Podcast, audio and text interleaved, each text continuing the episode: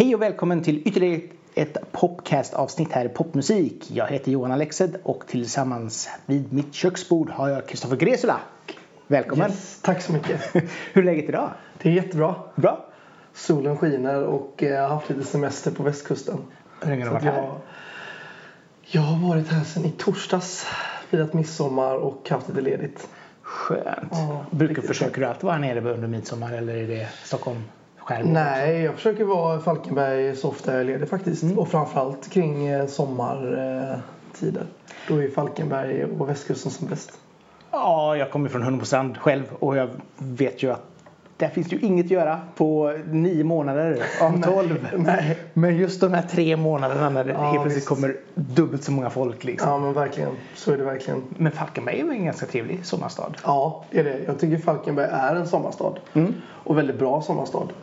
Sen är det väl så när man bor i en sommarstad så kanske inte man reser till andra sommarstäder Nej. i Sverige. Men, men den är väldigt, väldigt fin och eh, trivs väldigt bra där. Nice. Men, eh, lite grann om ditt efternamn. Vad, vad, vad härstammar det ifrån? Det är inte jättevanligt. Eller? Nej, alltså faktum är att jag håller ju på och är lite släktforskar i detta just nu. Ja. Eh, Jag fick av min sambo en sån här eh, man kan kolla sitt ursprung via DNA liksom. Ja. Så att vi håller på liksom och undersöker det här just nu. Men vad jag har fått reda på så är ehm, min farfar han kommer från Ungern. Ja. Men efternamnet härstammar tydligen från Kanada. Jaha. Så hela min släkt bor i Kanada. Men jag vågar inte säga 100% än. Nej, nej, jag vet. Men så, så tror de i alla fall. Och jag pratar ganska mycket med eh, just nu då min syssling Mm. från Kanada och farfars lilla syster som bor i Kanada då. Coolt. Och när de säger Gresula liksom då på engelska så låter det ju jättenaturligt att det kommer från Kanada. Ja. Men jag vet inte hundraprocentigt och de vet inte riktigt heller hundraprocentigt. Men är, är de i franska Kanada eller är det engelska Nej, Kanada? engelsk Kanada. Spännande. Grisula. Grisula. Grisula. Det är lite grann grizzly fast... Ja, och vi, vi satt, satt vi och, och kollade lite så här och tänkte ja men Gretzky, ja det är också lite så här du vet han hockey. Ja, ja, ja, ja. Jag vet faktiskt inte riktigt. Så jag brukar säga 50-50 mellan Ungern och Kanada. Så får vi väl se. Det är lite, lite, lite sport. Men du har ju ändå hållit på med sport. Pingis läste jag. Precis, det stämmer. Den här fantastiska sporten, hur kom du in på det? Ehm, det är väl, eh, jag tror det är mina föräldrars fel. Eh, Min farsa var ju bordtennisproffs och Ah. livnärde sig på det. Och även min mamma spelade pingis också.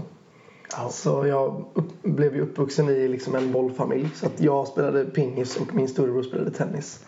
Ah, Så det är ju riktig idrottsfamilj från början. var du bra eller kom du långt? Eller hur, hur duktig var du? Eh, nu när det har gått så lång tid så brukar jag kunna säga att jo men jag var ganska bra, jag var bäst i Sverige. Ja, Eh, förr så var det lite så här. lite blygsamt. Men det, ja men det, förr var det så här, är det bra?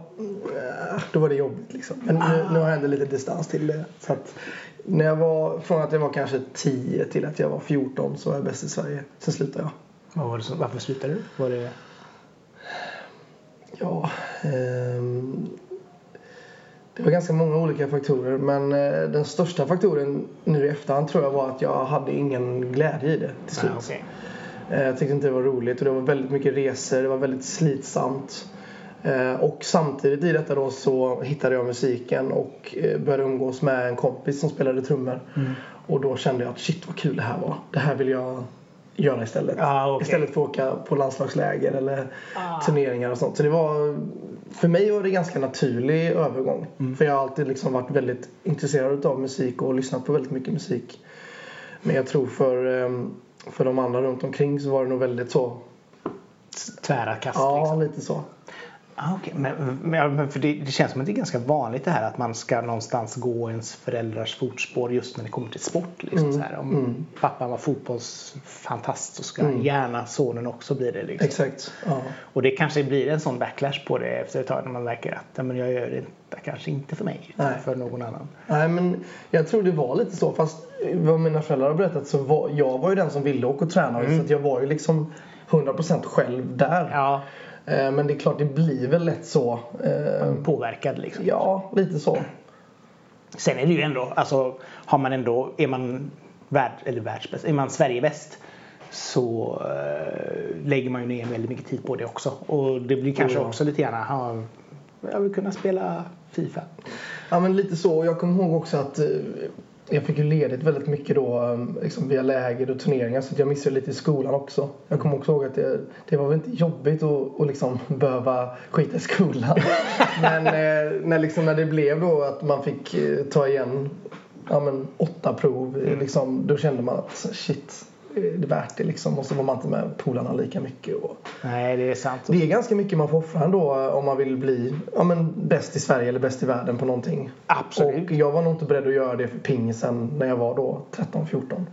Men det är väl då man kommer till den här brytpunkten också. Att det finns det. saker som är lite roligare ja. och så ska man försöka hitta sig själv i det här liksom. Precis. Och, och det är väl då som de flesta tappar liksom intresset. Det är ju mm. många som man själv känner från ens egen uppväxt som har varit duktiga på fotboll eller tennis ja. eller vad mm. det nu var. Liksom. Vi var ju väldigt mycket tennis i eh, Och så sen bara droppa liksom. nej.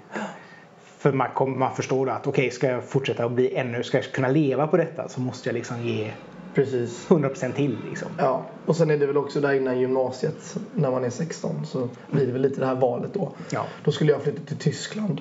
Jaha. Och börja spela med en klubb och det var också så för stort steg tror jag för mig. Ah, okay. Det kändes onaturligt bara. Långt ifrån föräldrarna? ja. jag vet inte, långt ifrån polarna. Ja, ja. Fast det är ju ändå, den är ju ändå spännande den här att åka iväg någonstans. Och, ja. jag, menar, jag hade ett år i USA som utbytesstudent. Då var det typ när man var 18 i och för sig. Men det är ju fortfarande Vad pluggade du då? Eh, Utah. Så det var high school. Shit vad nice. Det har jag kört igenom. På I-15. Ja, det kommer jag inte ihåg. Men ja. uh, ute och bila i... För det, man kör väl förbi där när man ska till... Jag från Oregon till ja, men typ Utah, Las Vegas. Las Vegas och så ja. Eh, Grand Canyon och... Ja, ja precis. Ja, det, det, är väldigt fint. Ja. Det är sjukt nice ställe. Men... Uh, ja, nej, det var då. Det var väldigt fint. Det, åker gärna dit igen. ja, men samma här. USA är väldigt fint faktiskt. Ja, men du var inte där för så länge sedan. Nej, fast nu senast var jag i New York. Det är också fint i och för sig men det är inte kanske riktigt samma som västkusten eller New York är i och för sig en av världens bästa städer. Jo, jag älskar Eller New York. Jag tänker ju, ju så här natur och, ja, och så. Men jag älskar New York också. Jag skulle verkligen vilja bo där faktiskt. Eh, ja, jag kommer ihåg när sist jag var där. Man landade på eh, Newfall flygplats i New York. New York, ja. ja eh, och, och, man ser liksom staden och man ser liksom skyskraporna och helt plötsligt ser man Empire State Building liksom så här dubbelt så högt som allting annat. Man mm. bara oh my god. Så jä... och så, sån härlig stämning och puls i den staden. Men det är liksom Verkligen. New York och San Francisco. Läst världens bästa städer. Mm. För typ allt. Mm. Jag gillar men ähm, tillbaka till dig! Musikinspiration. Äh, du började vid 14-15 år med musik. Vad, Nej, det var då det tog över. Jag började egentligen lite tidigare. Mm. Ehm, men det var väl då jag kanske gjorde det lite mer till allvar. Att jag ville liksom bli bra på det på mm. riktigt eller sådär.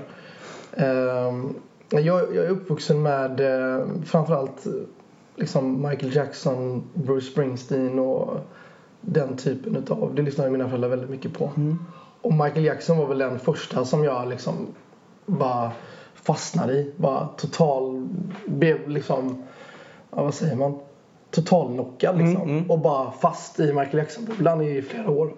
Jag såg någon eh, bild på dig när du var med, med hatt och utklädd ja, till Michael. Ja, det var Michael all in och då var jag ju bara liksom 4, 5, 6 år. Så det egentligen började ju med musik innan pingisen då egentligen. Ah, okay. Men det är klart, det blir väl på en annan nivå när man är fyra liksom. ja. Men eh, nej, helt klart Michael eh, Jackson, det var väl han som förde mig in på det tror jag. Mm. Och eh, jag vet inte, gjorde det lite eh, liksom omänskligt, alltså så stort, så, mm. så häftigt liksom. Det blev, det blev något annat på något sätt. Så då, då fastnade ju jag väldigt mycket för sången och för dansen och, och för liksom den här storheten. Mm. Sen tror jag då, sen då när jag var 14, då var det lite mer, då började jag spela i band. Mm. Och då var vi väldigt influerade av rockmusik. Så vi lyssnade väldigt mycket på Back Your Babies och Hardcore Superstar och de. Det var ju då de var som ja. störst liksom. Ja. Så då blev det att vi blev väldigt eh, influerade av dem. Så då, då var det ju rock faktiskt i ganska många år. Eh, jag har alltid haft kvar poppen men jag vet inte, det blev väl någon sån här tonårs Revolt. Ja, lite så kanske. Då var det liksom längre hår och tatueringar och rockmusiken. Sen så successivt så har väl poppen kommit tillbaks och jobbats in och idag lyssnar jag bara på pop. Egentligen som jag gjorde förr också. Ja, okej. Så man kan säga att poppen började och så har det kommit tillbaks nu igen. Men hur, för det var Damn Delicious som, som blev det stora genombrottet för, för dig. Hur, hur var den eran liksom, i ditt liv? Alltså, det var mycket turneringar och det liksom så här. Ja, nej, men det var skitkul. Vi, vi fick ju skivkontrakt med Lionheart då. När vi var 16. Ehm, så då fick vi släppa en singel och vi fick spela på Sweden Rock bland annat. Och lite andra festivaler. Det var skitkul. Vi hade så roligt. Det var en sån härlig ålder med. Man går på gymnasiet och ändå får göra det man tycker är roligt liksom. Så att, äh, det, var, det var riktigt roligt. Bara, bara roliga minnen. Men å andra sidan, vi, vi jobbade hårt. Vi repade mycket. Vi spelade mycket. Och jag tror vi också gjorde det lilla extra som krävdes. För jag tror skivbolaget såg det också. Vi, eh, vi latade inte oss och vi, nej, jag tror vi gjorde det lilla, lilla extra. Och vi var aktiva och skrev låtar och så också. Levde ni ut hela den här eh, bad boy rock imagen eller var ni städade? Nej, jag tror vi var ganska städade faktiskt. Mesiga Falkenbergare som, inte, som inte, inte, inte vågade fullt ut. Nej, men alltså det är klart att vi, vi försökte väl och vi var väl lite busiga. Jag kommer ihåg vi hade, vi hade en, en eh, när vi var uppe och spelade in första singeln då kommer jag ihåg då gjorde vi liksom en springnota ifrån eh, en restaurang i, i, i Stockholm och drack lite folköl på hotellrummet. Det var väl typ det vi gjorde som var det farligaste. Och då hade vi dåligt samvete i flera veckor. Och så skickade jag ett förlåt-kort. Liksom, efter. Nej, vi har väl alltid varit, vi har alltid varit haft väldigt kul med oss själva och, och liksom lekfulla och sådär. Men vi har aldrig varit speciellt farliga. Ja, Det har vi faktiskt inte.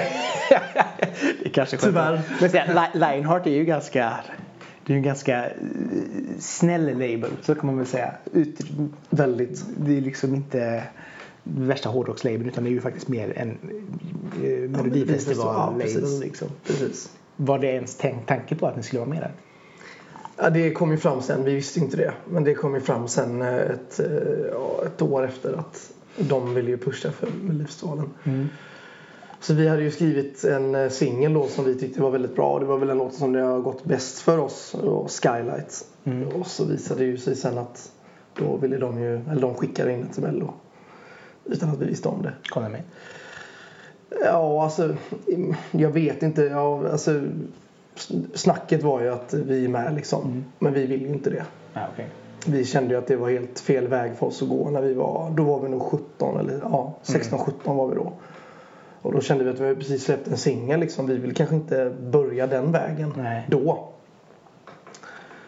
Eh, men sen vet jag inte om vi hade kommit med 100%. Det är, Men det är ändå en, en ganska... Det är ju en bra plattform att börja på. Eh, Verkligen. Men samtidigt så är det ju också då, alltså för tio år sedan så var det fortfarande ett fack. Exakt. Ja, precis. Ja, men exakt. Och vi kände väl det också för jag vet att då pratade de om att ja, men nu ska Melodifestivalen bli öppnare och nu vill de ha in lite mer pojk, pojkrockband och sådär. Då skulle vi bli de första. Och då var också vi lite sådär Ja men lite revolt, coola liksom. Ja. Fuck Melodifestivalen. Nej men du vet, det var inte så credit kanske Nej. då. Som det, det är väl på ett annat sätt idag och blir väl för varje år bättre liksom. Så att nej, den chansen eh, den, den tog inte. Synd ändå. Ja. Det hade ju kanske... Vem vet vad som hade hänt då? Vilken är din favoritlåt från Melodifestivalen? Oj. Shit vad svårt. Tycker det har funnits många, många bra. Jag, jag älskar ju äldre musik så jag har lyssnat mycket på de här gamla liksom Björn Skifs och ABBA. Och, Ja. Men modernare låtar. eh, pff. Jag tycker Benjamins senaste låt är bra. Mm. Um, Måns Zelmerlöws låt, låt som han vann med väldigt bra. Ja. Heroes. Ja, det är mycket Ja, bra men liksom låtar. såhär radiopop. Liksom. Ja men det, det är bra, poplåtar liksom. Ja. För mig är inte det melodifestivallåtar som det kanske var förr lite mer det här facket som Ja, ja, ja. Då var det ju mer slager med höjning och det här. Det är ju lite borta nu.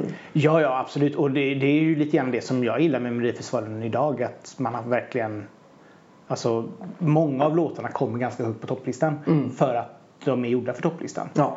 Exakt. Eh, Sen är det fortfarande folk som tycker det är jobbigt att Åh, slagen är borta och så vidare. Ja. Men samtidigt, man lyssnar på slager någon, en dag per år och det är Melodifestivalen. Mm. Och sen, sen funkar det inte lika bra. Nej. Det funkar på när det är karaoke eller Ja. allsång liksom. Precis. Men däremellan. Kan, Ja, men det, kan det vara intressant för dig som solartist? det har faktiskt varit på tal om. Så vi får väl se. Ja. Jag, eh, jag har verk- till de jag jobbar med har jag verkligen sagt ja eller nej. Nej. Vi får se. När det som sagt finns, kommer en bra låt och jag menar nu har du, nu är du ändå varm i kläderna och som Mm. sagt var det finns ju värre saker att göra än Melodifestivalen eh, nu för tiden. Absolut. Nej men jag, jag vill inte verkligen säga ja eller nej till någonting utan man vet aldrig. Utan man får ta det som det kommer så får man se. Ja men det är klokt. Det är, stäng igen dörrar. Det är, Nej precis. eh, efter Demolition så var det Felix. Yes, stämmer. Eh, vad var det för grupp? Eller vad? Då gick vi tillbaks eh, till eh, liksom ursprungsrötterna. Vi lirade in analogt och gjorde ett, ett album. Eh, lirade in, ja, influerad utav liksom 60, 70, 80-tals rockmusik. Led Zeppelin skitkul. och- Typ, ja. typ. Cool.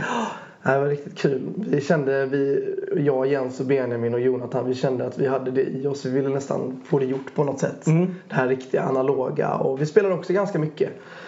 Eh, men vi höll inte på så länge. Vi höll väl på i ett och ett halvt, två år bara.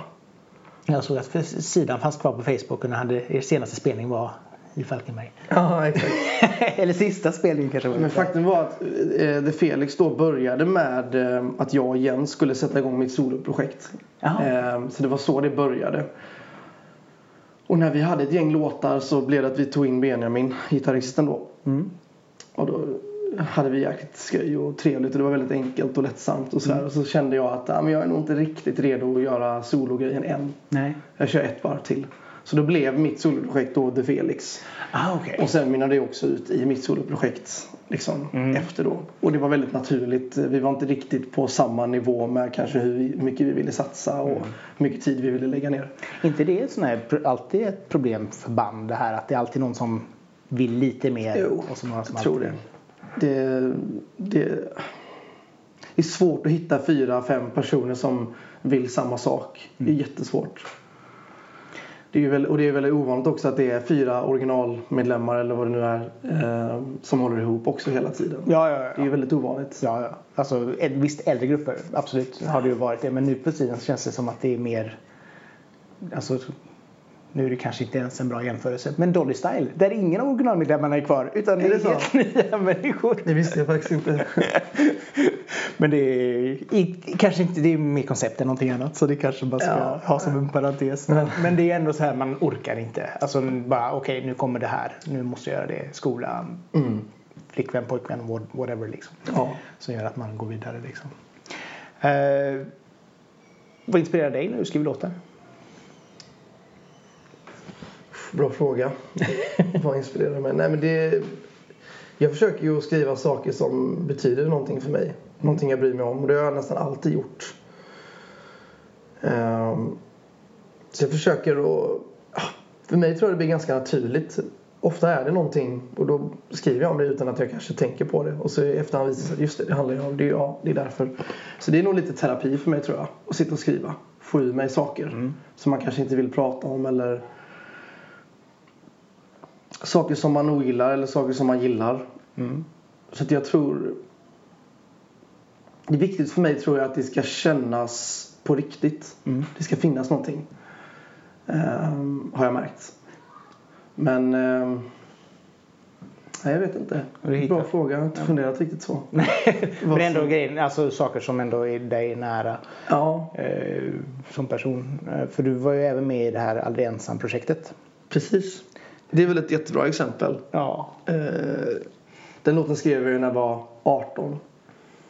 Och eh, hade egentligen ingen tanke på att det skulle bli en låt eller en, någonting. Utan satt bara och skrev av mig i princip. Mm.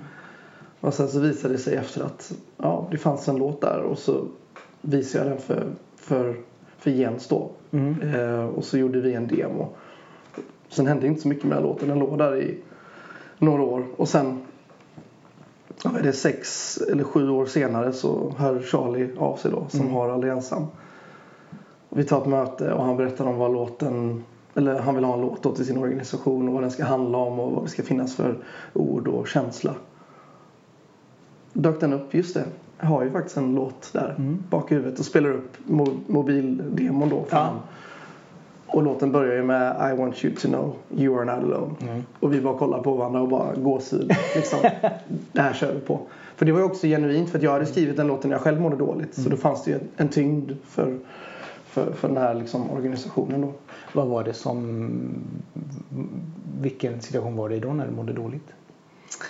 Jag var nog 17-18 och började få väldigt mycket finnar. Ehm, och eh, ja, tappade självförtroendet. Eh, jag vet inte om det bara hade med finnarna att göra men blev lite folkskygg och eh, var hemma mestadels. Och sen så började jag käka ganska starka tabletter emot akne då. Rotan? Ja, precis. Eh, och fick väl, det finns ju bieffekter med de här tabletterna att man kan bli lite deppig och låg. Och det blev jag verkligen. Så att jag hade väl några månader där när jag i princip bara satt hemma på sängen och skrev musik. Och då var detta en av låtarna som jag skrev. Ja, okej. Så det var väl inget... Jag vet inte i efterhand så är det svårt att, att sätta finger på vad det var egentligen men jag stängde in mig och, och ja, tappade självförtroendet. Mm. Och lite livsglädjen kanske. Men eh, idag så är jag glad för den perioden för att det har också fått mig att se på livet på ett annat sätt. Mm. Och eh, jag är väldigt glad att jag skrev den låten. Ja, det, det, det fick Så- du valuta för lite längre fram. Ja, så att... Eh, Men det är ju ändå liksom så här. Om man har kollat på de, alltså all, alla bilder och sånt som har funnits sedan tidigare och så vidare. Det, det har alltid varit, du har alltid sett, alltså det har alltid varit bra bilder på dig. Om man säger, du har alltid sett bra ut på bild. Men då är ju frågan så här, okej, vad, hur var skillnaden där liksom kontra akneperioden? Liksom? Ja, men det är kanske är det som var lite jobbigt. Att jag hade inte problem med det innan. Nej. Och, ja, eh, stod längst fram på scen och sjöng. Och sen så fick man finnar då liksom. Och det var väl kanske svårt för mig att ta. Jag vet inte. Mm. Det blev, alltså sen också så jobbig period. Liksom, ettan, tvåan på gymnasiet. Eller det är väl aldrig enkelt att få Nej, nej, nej. finnar. Nej. Absolut. Men det, är- det är ju alltid jobbigt liksom. Men jag tror det sitter ju mest i huvudet. Ja. Och det var där det satte sig på mig. Är man stark och trygg så, så är det ju egentligen ingen fara. Det är ju bara ytligt liksom. Ja. Det är ju viktigare här inne. Och, ehm, jag vet inte. Man tar väl det på olika sätt också. Alltså Mm. saker och ting som händer i Ja. kroppen. Så är det ju. Ehm, så det är ju, men samtidigt så de medicinerna gör ju jobbet. Så, att, De gör ju det. så det är ju bra. Ja, absolut. Eh, vad var det som, som eh, kanske inte tilltalade dig men vad var det som kändes rätt för dig att just vara med i Aldrig ensam-projektet? Med psykisk ohälsa och detta. Jag tycker det är ett ämne som verkligen bör pratas om och tas upp. Jag tror alla egentligen har det i sin närhet på något sätt. Och jag tycker Charlie har gjort ett fantastiskt jobb under flera år. Och eh, jag själv har lidit lite av lidit psykisk ohälsa då. Mm. Så för mig var det ingen, ingen som helst tvekan. Och egentligen var det inte rätt för mig, kände jag där och då, och ge mig in och släppa You're Not Alone så tidigt i min karriär. Nej. Jag hade egentligen velat göra det lite längre fram. Men eh, kände väldigt starkt att eh, det här är någonting jag verkligen vill göra och någonting jag tror på. Och kände väl också på något sätt att kan jag bidra på något litet sätt så vill jag gärna göra det. Och då blev det låten. Och, eh, Jag tror det är viktigt för jag tror att det är många som inte, som du säger, inte förstår det här att hur vanligt det är med psykisk ohälsa. exakt. Och liksom när man pratar med politiker och så vidare, det finns ju ingen som har något riktigt bra botemedel om man Nej. säger att försöka hjälpa de här personerna. Mm. Det kan ju vara allt ifrån liksom bara och jag mår lite dåligt till att man mår alltså jättelångt under isen. Mm. Men det ligger någonting och bubblar som man inte tar på allvar. Liksom. Nej, verkligen. Vilket är jättekonstigt för det är, som sagt det är ju nästan en folksjukdom. Liksom. Verkligen. Och därför tror jag det är extra viktigt att eh, sådana som Charlie Mm. gör någonting åt det. Och det känns också ganska skönt för det är många unga artister och profiler överhuvudtaget som, som vågar tala ut om det. Mm. Och det tycker jag är jättebra. Mm. Ja, verkligen. Det behövs. Ja, Det är jag helt övertygad om. Och att folk inte bara tror att det är en, en fas i trotsig tonåring. Liksom, Nej. Det är faktiskt det är mer allvarligt än vad man tror. Liksom. Precis. Så det, hur har reaktionen varit? Den har ju streamats otroligt bra eh, på, på Spotify. Men hur har reaktionen varit från lyssnarna? Eh, Över förväntan måste jag säga. Vi har ju fått jättemycket brev och mail att det har räddat liv och eh, det är ju fantastiskt alltså. Kul!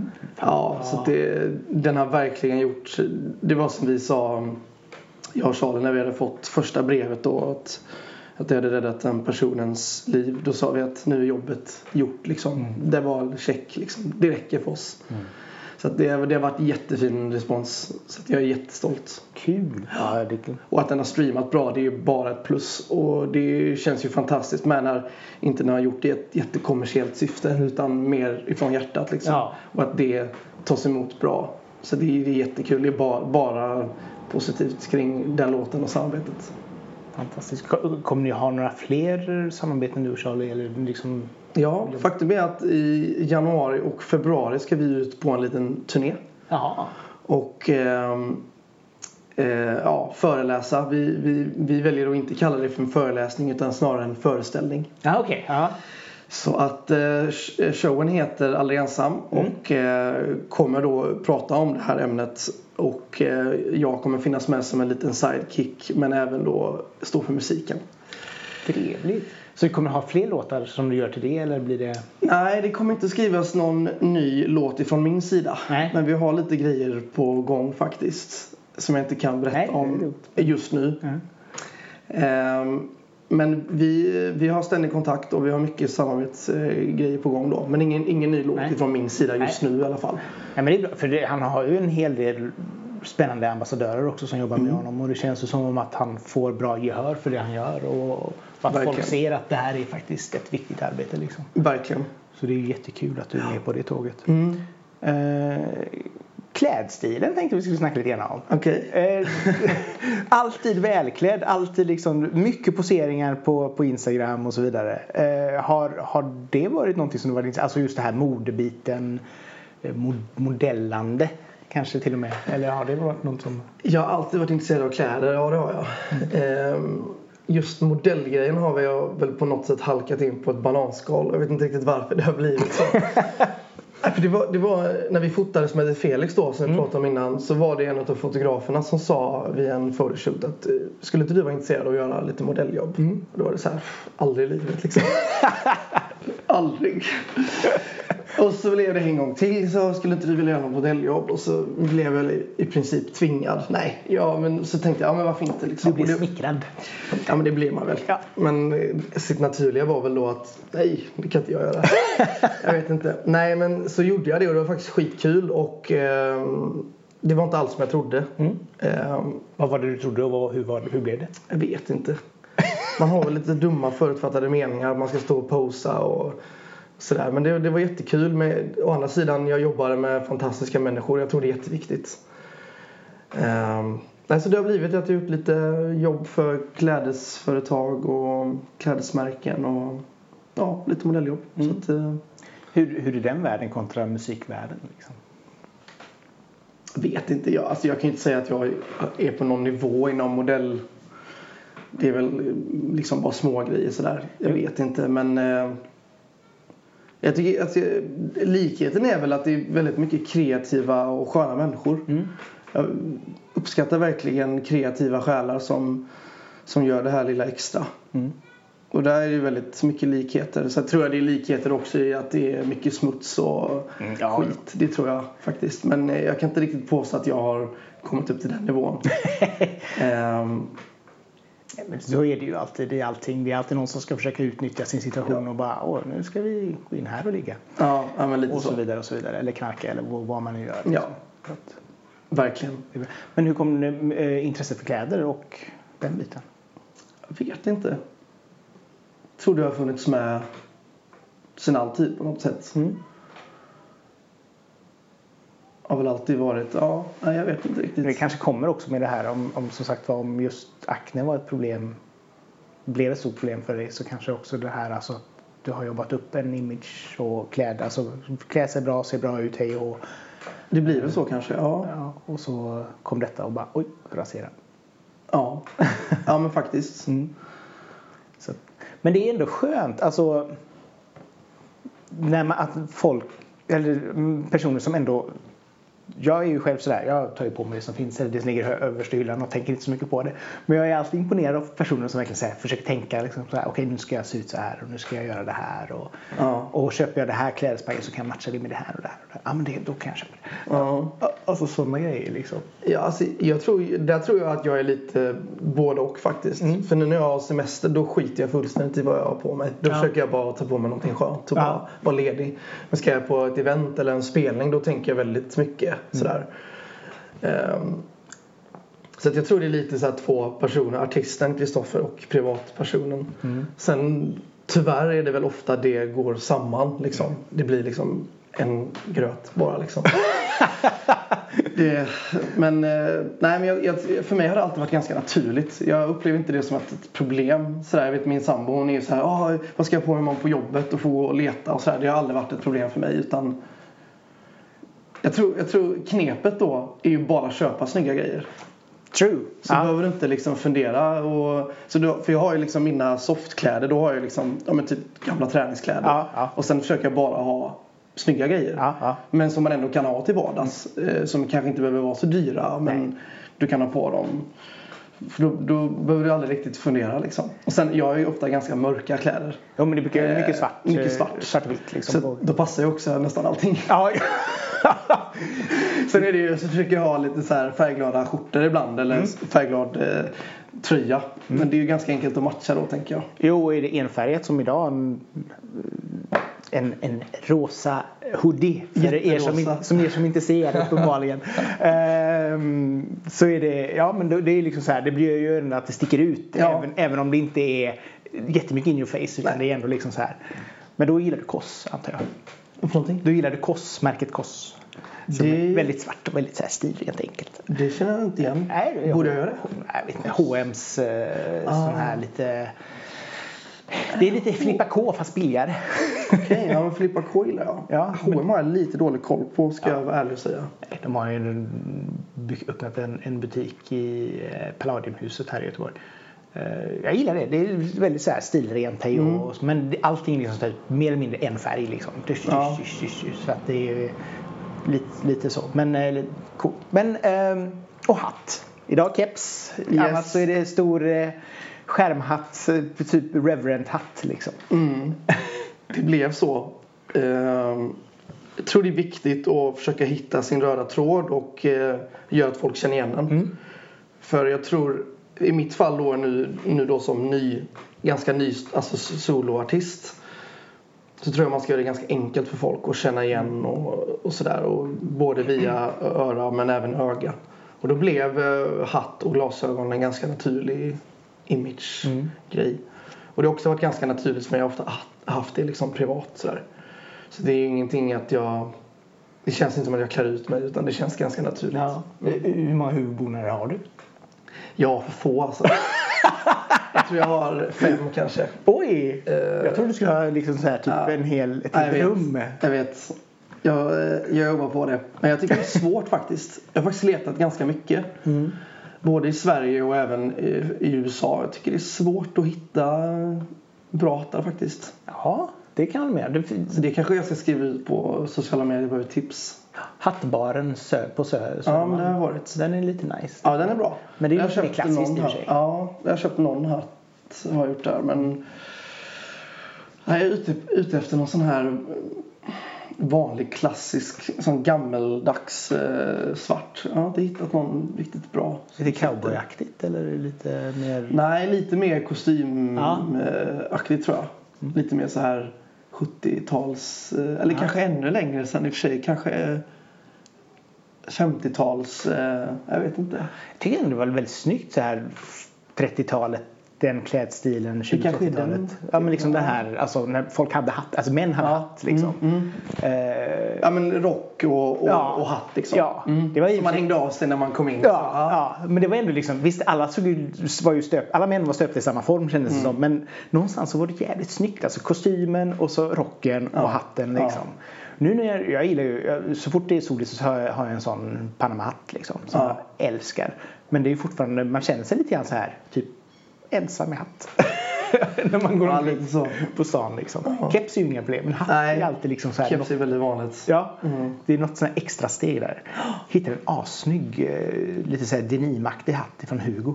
Som jag Okej. köpte. Som är väldigt så här, lite poppig. Nice. Ja, ja, ibland ska man få till det. Men, Ja, men det är ju, gäller det här, alltså det är ju fortfarande, man ska våga ha hatt. Mm. Och den är inte alltid lätt liksom så här. Jag tror många känner sig lite sådär ja, utklädda i det. Mm. Att det är så ovanligt. Det tror jag. Det kanske blir en sån stor grej. Ja, Tror folk. Men eh, Li, lite så, även om det kan vara snyggt. Eh, tre singlar yes. än så länge. Mm. Du skyndar inte långsamt, eller du skyndar långsamt. Men eh, samtidigt så det har väl ändå, det är ett år ungefär nu. Ja, det är ett år bara. Så att det är inte så farligt ändå. Ett, alltså, jag menar, ett, tre låtar på ett år, det är väl okej. Ja, det är- Sen hade jag gärna gjort det fortare, men jag känner det är nog ändå smart och kanske i min situation nu att göra det, ja men skynda långsamt, Mm. gör, det, gör det ordentligt i varje släpp och låta det försöka ta lite tid och göra det på rätt sätt. Och sen så är det ju som du sa, låtarna strömmar ju på ganska bra. Ja. Så att det har inte varit någon sån här superstress heller att vi måste ut med någon ny Nej. låt. Ehm, så... Ja, Det får ta den tid det tar liksom. Ja, precis. Jag känner ingen stress sådär. Jag känner att jag hellre gör det ordentligt. Ehm, Men vi hade, vi hade tänkt att släppa lite mer låtar än vad det har blivit. Men det kanske kommer någonting efter sommaren nu då. Det gör det. Grymt. Du fick dansa lite grann på, i videon till Intoxicated Love. Mm. Eh, och uppenbarligen så är det något du också har gjort tidigare. Ja, ja, men det är det faktiskt. Jag dansade ganska mycket när jag var liten. Och eh, jag ångrar mig lite. Man ska, man ska inte ångra grejer så här, men då hade jag ju chansen att börja dansa med danslärare och sånt när jag var riktigt liten. Mm. Men eh, jag gjorde inte det. Så det har väl liksom legat och gnagt lite i mitt huvud. Men så kände jag nu att ah, varför inte? Det är bara att börja köra. Jag tycker det är skitkul. Men varför tog du inte steget då? Nej, jag vet inte. Om du ändå ångrat det så har du säkert kommit på en anledning. Nej, jag har ju inte det. jag kommer ihåg det var en gammal danslärare. Jag var med i någon sån här talangjakt som- Michael Jackson då såklart. Mm. Dansade och sjöng och sådär och så vann jag den och då sa hon dans, eh, en av de här i juryn att eh, jag skulle börja dansa. Och det var liksom tvärnej. Jag vet inte riktigt varför. Oj. Ja. Men fast det är väl kanske en sån För jag här... dansade ju på scen Ja. så att jag borde ju egentligen Fast det är väl en comfort zone liksom. Ja, jag tror det. Jag var trygg kanske hemma då när jag övade och sådär. Men kanske, jag vet inte riktigt. Men eh, så nu så har jag en polare då som är danslärare som jag har börjat köra med. Jag tycker det är skitkul och det är också jättebra träning. Absolut. Så att, eh, jag är jätteglad för det. Så nu har jag dansat, eh, om man säger då igen då, i ett, ja, ett år ungefär. Ja. Men det, det vanliga är... Vad är det för inriktning på dans? Alltså inriktningen är väl egentligen för att göra mitt scenspråk bättre. Ja, okej. Ehm, Så det är inte sådär att vi gör någon jätteavancerade grejer utan det är nog snarare att vi försöker hitta bra steg till eh, mina låtar och eh, göra någonting som känns mig. Försöka hitta någonting lite eget i det som känns naturligt i sången och sådär också. Så det är också lite så här skynda långsamt, ingen superstress utan vi kör någon gång i veckan och så Att inte svettas ihjäl när du rör dig på scenen. Ja men lite så och det, är- jag menar, det är ganska svårt redan som det är att sjunga. Liksom. Och sen ska man dansa på det så jag vill också hitta en bra balans där liksom. Eh, men det, är- det är riktigt roligt. Det är riktigt kul. Så det tror jag det kommer bli mer utav. Så det här var bara ett smakprov nu här på senaste singeln. Så nästa video så blir det moonwalking. Ja exakt. Exakt.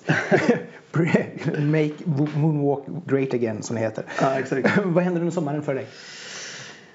Um, sommaren blir eh, indelad i ganska mycket låtskriveri. Mm. Eh, det blir en del spelningar och sen blir det faktiskt en del semester. Det är väl framförallt de tre. Ska du åka någonstans? Eller ni? Nej, det kommer nog bli semester i Falkenberg. Mestadels. Soft ändå. Ja, eh, sen kommer det bli ganska mycket resor i höst ser det ut som. Så då tänker jag att då är det skönt att vara hemma och landa lite i Falkenberg. Hänga med familj och vänner. Få mamma mat liksom. Ja, shit. Så jävla bortskämd jag är alltså. När jag kommer hem, du vet. Är, man blir ju liksom som 15 igen. Ja. Och de, föräldrarna ser den ju som 15 alltid. Ja. Man bara, åh, klart du ska ha lite mat och Ja. fixa det här till dig. Och man bara, oj. Ja, det är helt sjukt är det. Men nej, så det blir, jag ser faktiskt fram emot sommaren. Det känns som att sommaren redan har dragit igång och mm. hållit på hur länge som helst. Men eh, nej, men jag ser verkligen fram emot eh, sommaren. Det blir ganska mycket resor och så här fläng mellan Falkenberg och Stockholm. Mm. Men, men det, det känns bra. Har du det? När du skriver förresten. Eh, skriver du allting som du gör ämnat till dig själv eller tänker du att hm, det här kanske kan vara någonting till någon annan? Ja, men senaste året så har jag börjat skriva till andra också. Mm. Ehm, så att det är lite olika. Oftast så brukar jag väl försöka att skriva till mig. Mm. Men känner jag efter en stund att men det här är kanske inte till mig men det är en bra låt. Mm. Så försöker jag ändå försöka göra färdigt det och pitcha till någon annan. Så det är lite olika men sen har det blivit mer och mer sessions när det har varit riktat till en artist eller mm. kanske jag har skrivit en del till Asien senaste året också. Jaha. Så då är det mer kanske att man får en, en lead liksom att ja. en sån här låt. Då skräddarsyr man den och pitchar. Så det har blivit mer och mer och det är jättekul och det ser ut som att det kommer bli ännu mer framöver i höst. Kul. Har du fått är det något som har getts ut eller är det något som bara ligger och bubblar än så länge? Ja men det är några grejer som har getts ut. Eh, och sen är det någon som ska släppas nu här vilken dag som helst. Med någon tysk DJ som ligger på Armada. Jaha. Så det är lite så här olika grejer. Grejerna i Japan vet jag faktiskt inte riktigt. Nej. jag har inte hört någonting i alla fall. Jag vet det är några det lever sitt eget liv där borta liksom. Ja, jag vet att det är några låtar som är satta och ska släppas. Men jag har faktiskt inte hört någonting. Eh, det finns lite små låtar ute sådär men inga, inga sådär superhits än så länge. Nej, kanske kommer. Eh, angående Armada där förresten. Är, kan, är det något som kan vara intressant för dig? Att, att uh, göra en uh, featuring liksom på mer EDM? Absolut. Självklart. Ja, det är faktiskt någonting jag har funderat på också själv. Så att det, det, det tror jag definitivt. Ja, det kan vara jättespännande för det är ju sånt som gör att man kan komma ut ännu bredare som artist också. Liksom. Ja, precis. Jag, jag känner mig väldigt sugen på och det tror jag också är nu för att nu är jag själv, nu är jag solartist. Mm. Eh, att eh, mer samarbeten, mm. göra mer samarbeten både som låtskrivare men även som artist. Mm. Via att jag är featured på kanske en DJ och kanske att man är ja, men collab med en annan artist mm. och så det, det, skulle jag verkligen vilja göra mer. Mm. Och det tror jag också kommer bli uh, mer framöver. Om du fick bara, om du fick ett telefonnummer, vilket som helst, vem skulle du ringa till om du skulle göra en duett med någon? En duett? Ja. Eller ett samarbete, men en duett. Oj. Shit vad svårt. Ska det vara en kille eller en tjej? Du får välja precis vem du vill. Det kan vara en hen. Åh, oh, shit vad svårt alltså. Och se vad det kan vara. Alltså det finns ju så jäkla mycket coola människor som skulle vilja jobba med. Uh, står det helt still här borta. Beyoncé! Så. No, ja, alltså det, det hade inte varit tråkigt. det hade nog förändrat min karriär ganska mycket tror jag om jag gjort en, ett samarbete med Beyoncé. Ja, exakt. Jag vet inte, jag hade gärna velat jobba med någon ny up and coming mm. artist. Det är bra i och för sig. Ja, kanske ja. hitta någonting. Försöka göra något nyskapande, något, något häftigt liksom. Mm. Och det tror jag nog man, även om det kanske inte hjälper ens än att komma ut mer i och med att det är du som får på något sätt dra det hela. Men samtidigt så är det ju fantastiskt för den artisten mm. att var, bli upptäckt om man säger så. Att försöka hitta liksom, nya talanger och, jobba med dem. Liksom. Ja, jag tror precis. det är bra. Nej, jag får fasen, jag får passa på det här telefonnumret. Jag, jag, ska fundera på vems telefonnummer jag vill ha ja. och, och återkomma. Ja, det, är, det var bara en spontan fråga. De, ja, men jag brukar försöka undvika just de här, så här, vilken är den bästa låt just nu? För det kommer betyda att det är 20 minuter tystnad och så ja. personen bara, jag ska Nej. bara gå igenom mina spellistor här och ska försöka hitta och så tar det tid. Nej, sånt får du inte fråga. Nej, jag vet. Jag, det kommer jag inte kunna. Det, det, det, det finns så mycket bra musik. Det är ju helt sjukt liksom. Jag ska aldrig ge mig på så här topp 10 låtar. Alltså aldrig. Shit vad svårt. Det är väldigt roligt att göra sådana spellistor. Jo, jag vet. Men då får det ju vara topp 500 typ.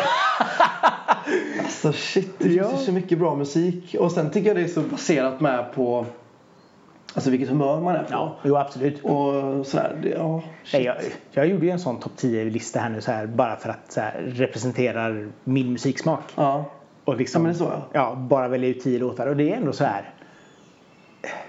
Nu, nu vet jag ju ganska tydligt vad jag, vad jag gillar och vilka låtar som ska vara med där. Sen går det alltid att byta ut någon sådär. Men, men jag tycker ändå det är jättekul att göra såna här topplistor. Det är Ja. sjukt spännande. Ja, absolut. Ja, men jag tycker det är kul att göra listor och sådär. Och jag, ja, men just... Nej, topp 10 kommer jag inte ge mig på. inte än i alla fall. Inte än. Nej. Nej. Du får göra det när du har släppt 10 singlar så kan du säga att detta är mina topp 10 singlar. Nej. Mina låtar, mina låtar kommer aldrig vara med där. Det kommer de inte. Skäms man för att lyssna på sin egen musik? Nej, skäms. Det, har väl, det får jag väl ändå erkänna att jag har kommit över. Ja. Det gjorde man väl lite mer förr. Ja. Man hör sin röst liksom. Oj, så här låter det. Alltså jag, jag tror, eftersom att jag har liksom, nu har ändå jag hållit på med musik, alltså egen musik och jobbat i studio så här många år så att jag tror man har vant sig. Men jag har faktiskt aldrig alltså, njutit av att lyssna på mig själv. Ja. Det har alltid varit, inte ett problem, men det har alltid varit sådär lite jobbigt. Och du vet när man sitter och gör de här finjusteringarna i studion, jag kan ju få panik alltså. Jag tycker allting låter dåligt. på vilket sätt då? Jag vet inte, det, det blir för nära på något sätt. Ja. Och så tror jag jag är lite hård mot mig själv också. Vill hela tiden att det ska bli bättre. Så, här. så att för mig har det varit viktigt att jobba med bra människor som kan ta de här besluten. Liksom. Där, den tagningen var bra och sådär. Jag, Som tar besluten åt dig. Annars hade du aldrig fått iväg ens tre singlar. ja, lite så. Nej men kanske just med sången då liksom. Så själva produktionen och helheten är en annan femma. Men jag vet ja. Men nu har jag vant mig så här. Men jag, jag sitter aldrig, för jag brukar få frågan så här, ah, kan, kan du sitta och liksom lyssna och njuta så här? Aldrig. Det har aldrig hänt. Nej. Det kan vara att man har skrivit en ny låt och man lyssnar på röstmemo och så här, shit det här är en bra låt. Ja. Men sen när låten släpps då är den ju så arbetad med och man har hört den fem miljoner gånger så att man är ju liksom trött på den. Jo, men kan men sen kan det ju komma liksom, som om jag lyssnar på Taste nu Mm. som jag inte har lyssnat på på länge. Då kan man säga shit vad, vad nice för de har fått lite distans till Ja. Mm. det. Eller om man lyssnar på gamla Dan Delicious grejer. Då kan man säga shit vad, vad bra liksom. Ja. Men på ett annat sätt liksom. Mm. Det blir mer glädje liksom. Snarare än att man sitter och granskar och sådär. Så att, eh, Ja, då är det gjort också. Då kan man liksom inte Ja. göra så mycket medel längre. utan Nej, men lite bara, så. Okej. men som just nu då, senaste singeln Intoxicated, är ju, den är lite för nära. Så den är lite svårt att lyssna på Ja. faktiskt. Ja, men det är sånt är spännande. Jag kan tänka mig att det är så för många människor det här att sätta en målare upp sina egna tavlor på väggen. Liksom. Ja, Man bara, för då kommer man ju bara stå och så bara säga, nej men jag borde ändra lite grann. Jag borde göra sådär. Och så tar man Ja. ner och så fixar man och så håller man på sådär tills... Ja, för där tror jag det är väldigt olika. Vissa är säkert bara älskar det liksom. Eh, Jag hoppas att jag gör det någon dag eh, faktiskt. Jag tror man mår bättre i det. Men eh, det har blivit bättre också, det har det. Samtidigt så tror jag nog det är ganska bra att vara lite kritisk till det man gör också. Så att man, eller självkritisk så att man inte Ja. bara liksom såhär, ja men nu är det bra. Och så är det bara, fast alla andra bara, fast nej. Nej, nej, precis. Men jag tror man ska hitta den balansen där så att man också mår bra i det själv. Eller så att man får inte bli för hård. Nej, nej, absolut inte. Det känns, det känns dumt liksom. Ehm, nej, men det kändes väl som att nu har vi fått en liten inblick i Kristoffer och hans liv. Ja, Eh, så att, vad roligt. tack så jättemycket för att du kom hit. Tack för att Eh, jag fick komma hit. Och så ser vi fram emot att höra lite mer eh, under hösten Yes. och andra samarbeten.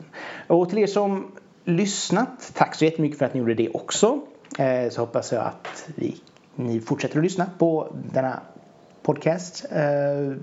Jag får önska en fantastisk fortsatt dag och njut av liv och sol. Hejdå!